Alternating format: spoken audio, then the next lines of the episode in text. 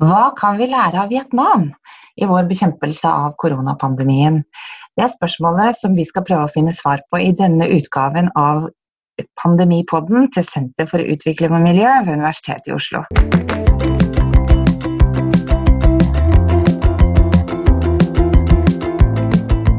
Mitt navn er Benedicte Bull, jeg er professor ved senteret. Og i pandemibåten så ringer jeg til mine kolleger på hvert sitt hjemmekontor og snakker med dem om temaer av relevans for årsaker til eller konsekvenser av koronapandemien som de har spesiell greie på. Og I dag er turen kommet til vår egen Vietnam-forsker Arve Hansen. Han er postdoc, og så leder han eh, Asianettverket ved SUM. Og så er han leder for eh, forskningsgruppa som jobber med energi og konsum. God morgen, Arve. God morgen, god morgen. Hvordan føles det å ha sendt eh, eldstemann i barnehagen? Det, det gjør livet en del lettere jobbmessig, i alle fall. Jeg tenker meg, nå, nå, etter hvert kommer også småbarnsforeldrene med på poden. Det, det, det, var litt vanskelig å få med i begynnelsen. Jeg har ringt deg i dag ikke bare for Asiakunnskapen din. Altså det, det, er ingenting som en eh, staut eh, sånn eh, vestlending fra Fosnavåg når verden rakner rundt en. Da trenger vi en sånn stemme. Men nå skal vi altså snakke om et helt annet land, Vietnam. Og der går det jo egentlig ikke så verst. Men kan du beskrive situasjonen for oss? Litt sånn korte trekk til å begynne med? Ja, nei, det er som du sier, det går ikke så verst i Vietnam. Som er litt sånn mot oddsa. Eh, med tanke på at eh, det er et naboland til, til, Kina som har veldig mye kontakt med, med Kina. Eh, og vi snakker om et, eh, et, relativt stort land, altså på størrelse med Norge rent eh, eh, geografisk, men med nesten 100 millioner mennesker. men så Vietnam har altså kun 268 tilfeller av eh, koronaviruset, og ingen dødsfall så langt. Så det er ganske sjokkerende eh, tall, egentlig. Det er litt rart at altså, Dette har fått mye oppmerksomhet internasjonalt, men det er rart at de ikke har fått det i Norge, egentlig. Det, går dessverre inn i, inn i en trend. da, Sørøst-Asia blir ignorert i Norge så lenge ikke det er Duterte i Filippinene som uh, skyter folk. Um, men ja, så ek, ek, ek, ekstrem suksess, egentlig. Kan vi stole på de tallene? Altså det. Ja, det var et godt spørsmål. Det, for det høres uh, unektelig rart ut. Um, men ja, det ser ut som at en faktisk kan stole på det. Det var uttalelser fra internasjonale eksperter som også har vært i Vietnam og, og fulgt med. Um, selvfølgelig, som alle plasser, så er det mange som ikke har vært testa. Um, men uh, det, det, ser altså ut til at det her iallfall uh, er relativt uh, gode tall. Uh, også blant vietnamesiske kollegaer så var det mye snakk i begynnelsen særlig om at uh, myndighetene skyldte tallene. Men, uh, men, men jeg hører ikke om det lenger. Og det vil jo også være et vega sverd om de skulle snakke veldig ned tallene. For de, selv om det, det er snakk om et autoritært regime, så er de, de avhengig av at av at folk ser alvor i det. Det er avhengig av at, at folk er med på de ganske, ganske radikale inngrepene som, som de har gjort. Kan du si liksom litt i korte trekk hva, som, hva, Vietnam har gjort? Hva slags tiltak har de satt i gang? Ja, eh, altså jeg kan si Først og fremst så var de veldig tidlig ute. Eh, og der har eh, vietnamesiske kollegaer som legger vekt på det at eh, Vietnam stoler aldri på Kina.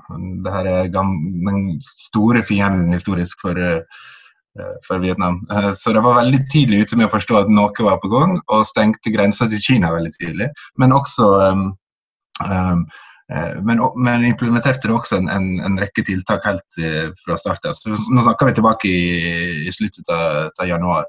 Um, stengte skoler. altså Mens vi fortsatt, meg selv inkludert, syntes at det her alt var overdrevet, så stengte skolene i, i, i Vietnam. Det har hatt et veldig sterkt fokus på på kontrollering og isolasjon. Og også etter hvert testing. Jeg har også laga eget eh, billig testutstyr som ser ut til å fungere bra. Eh, men hovedfokuset nok vært isolasjon og karantene kombinert med, med informasjon. Da. Så veldig en veldig innsats for å kartlegge alle, alle smitta, og så liksom, tatt utgangspunkt i det, og så spore alle de har vært i kontakt med. Og så er det litt som i Kina, de er ikke redde for å isolere landsbyer, bydeler og provinser. og Nå må en, eh, må en gjennom politisperringer for å komme seg inn, inn, i andre provinser og slike ting. Og alle må i 14 dagers karantene om du skal inn til Vietnam, og, og i mange provinser også må du inn i, eh, må du i karantene for å, for å komme inn.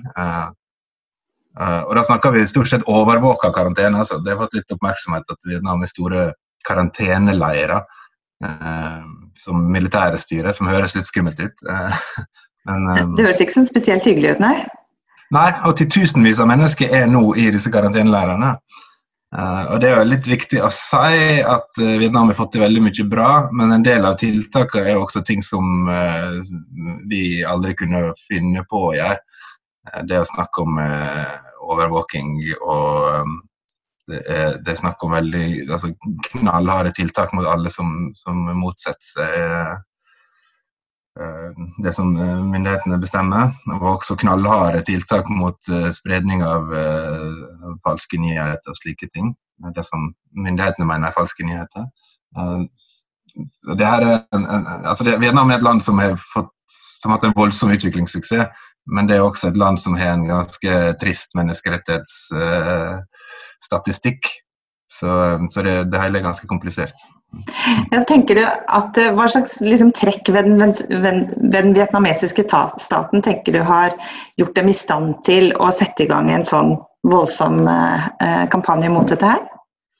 Ja, jeg tenker det er forskjellige ting. Altså, det, det, mest, eh, det, det, første jeg tenker på, er jo da den her overvåkningsstaten og um, og eh, det er nettverk av informanter som kommunistpartiet har over hele landet, som, som gjør at de har en, kontroll som er ganske ekstrem. Um, men, men, men, også da um, et uh, relativt til, til, å være et såpass faktisk fortsatt fattig land, så her er jo et, et, relativt bra helsevesen som er blitt mobilisert. Ehm, og det her er jo også en arv fra, fra sosialismen i Vietnam, altså fokus på at alle skal ha tilgang til helsevesen og slike ting. Um, så det jeg tenker at det er veldig viktige, viktige faktorer, men også da mobilisering av militær og politi, og, og mobilisering av sivilsamfunn og folk flest, og spiller på, på, patriotisme. Det er veldig sterk patriotisme i, i Vietnam. Uh, og det blir det spilt veldig på. da, at Å, for eksempel, å holde seg hjemme og elske landet sitt og slike ting uh, er det mye til. Deres måte å snakke om dugnaden på. Men, ja, det er altså, den kinesiske dugnaden. Vietnam har jo hatt en ganske voldsom økonomisk suksess, og det er jo noe av det du har studert. Men hva ser man nå at kan bli de økonomiske konsekvensene for Vietnam? De er jo også økonomisk avhengige av Kina, selv om de har et uh, absolutt ambivalent forhold til storebror? Ja, ja de har det. Uh, det er litt vanskelig å si foreløpig. Uh, det som blir sagt, og det som det ser ut til, er at Vietnam ikke blir like hardt ramma som mange andre land i, i regionen. som Kina, f.eks. IMF lanserte nettopp en rapport der de spådde at GDP skulle vekse med nesten 3% i Vietnam i år. Og Det er jo lite sammenlignet med de 7% som ligger på alle vis, men, men, det er tross alt vekst, mens mange land i regionen ser ut til at de kommer til å krympe. Altså økonomien kommer til å krympe. Um, så det er litt uh, vanskelig å si, men, uh, men, i stor grad så har Vietnam klart å holde uh, sånn på, på, et stort plan da, i gang. F.eks. så er det på imponerende vis klart å holde store deler av eksportindustrien i gang.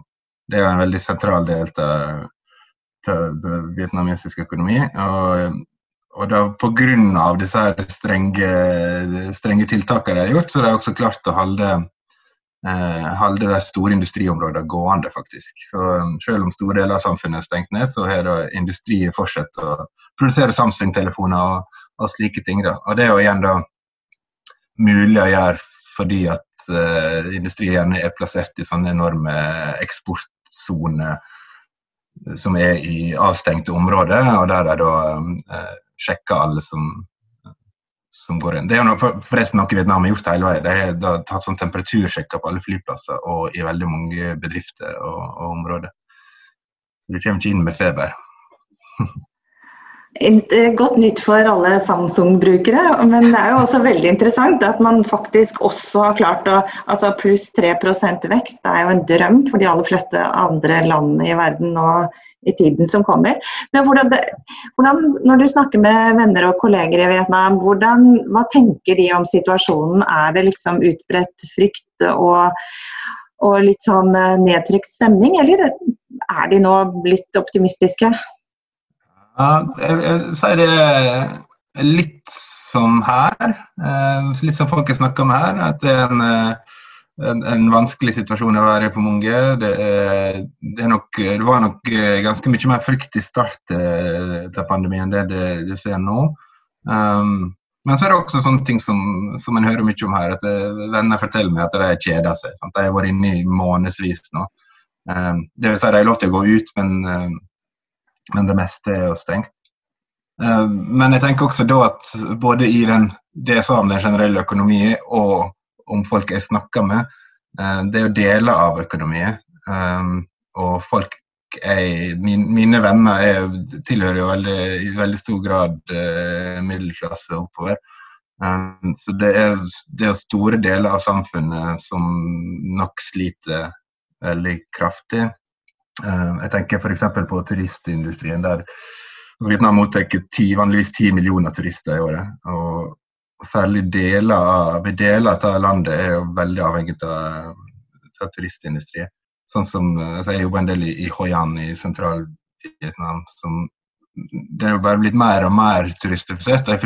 Folk er fullstendig avhengig av, av turisme. altså Både vestlig og en enormt stor asiatisk turisme. Og um, så Da vet jeg rett og slett ikke hva, hva de gjør. Jeg vet at det er litt hjelp fra myndighetene å få. Det er en del, eh, en del eh, frivillige organisasjoner som deler ut mat og slike ting. Det er litt sånn her direkte utbetalinger til penger fra myndighetene. Men eh, jeg har prøvd å finne ut det, men jeg vet ikke så mye om, om hvordan folk litt, litt lavere ned på, på rangstige klarer seg. Da. Og Det gjelder jo også selvfølgelig altså, de millioner av mennesker som jobber i, i servicebransjen, og som jobber med å, drive små, uh, små, butikker, små gatekjøkken og, og gateselgere. Og, ja. Så generelt så går det bra, men jeg tror nok veldig mange har det uh, fryktelig tøft. Altså, Vietnam var jo inne i en sånn rivende utvikling egentlig gjennom ganske mange år. Men har du noen tanker om hvordan dette kommer til å påvirke Vietnam på litt lengre sikt? Jeg snakket eh, akkurat eh, for et par dager siden i poden med en eh, historiker som mente at liksom, nå er vi hele vår tid er nå preget av begrepet krise og ikke framskritt. Noen av de, de landene som, som, faktisk var drevet av en sånn tanke om framskritt, fremdeles var vel Vietnam. Kan du tenke deg at dette her blir en litt sånn um, skjellsettende hendelse også i et land som Vietnam? Det vil overraske meg veldig, for å være helt ærlig. Altså, om, om, det skjellsettende blir det nok, men om det går vekk fra tanken om, om framskritt altså hele, I tre tiår nå eh, så har Vietnam hatt en rivende utvikling. Og, og hele tida er mottoet vår uh, utvikling, modernisering. Eh, og, og, og, kommunistpartiet kjører jo hardt på det. Og og store deler, store deler ta, uh, grunnlaget til den, den støtta og tross alt har til en viss grad, da, iallfall blant folk, er basert på at de leverer denne rivende utviklinga. Så eh, hvis det er mulig å få til, så tror jeg at eh, Vietnam kommer til å, å satse hardt på det. Og Den, den samme IMF-rapporten som jeg nevnte, spår at Vietnam skal være tilbake på, på 7% vekst neste år allerede.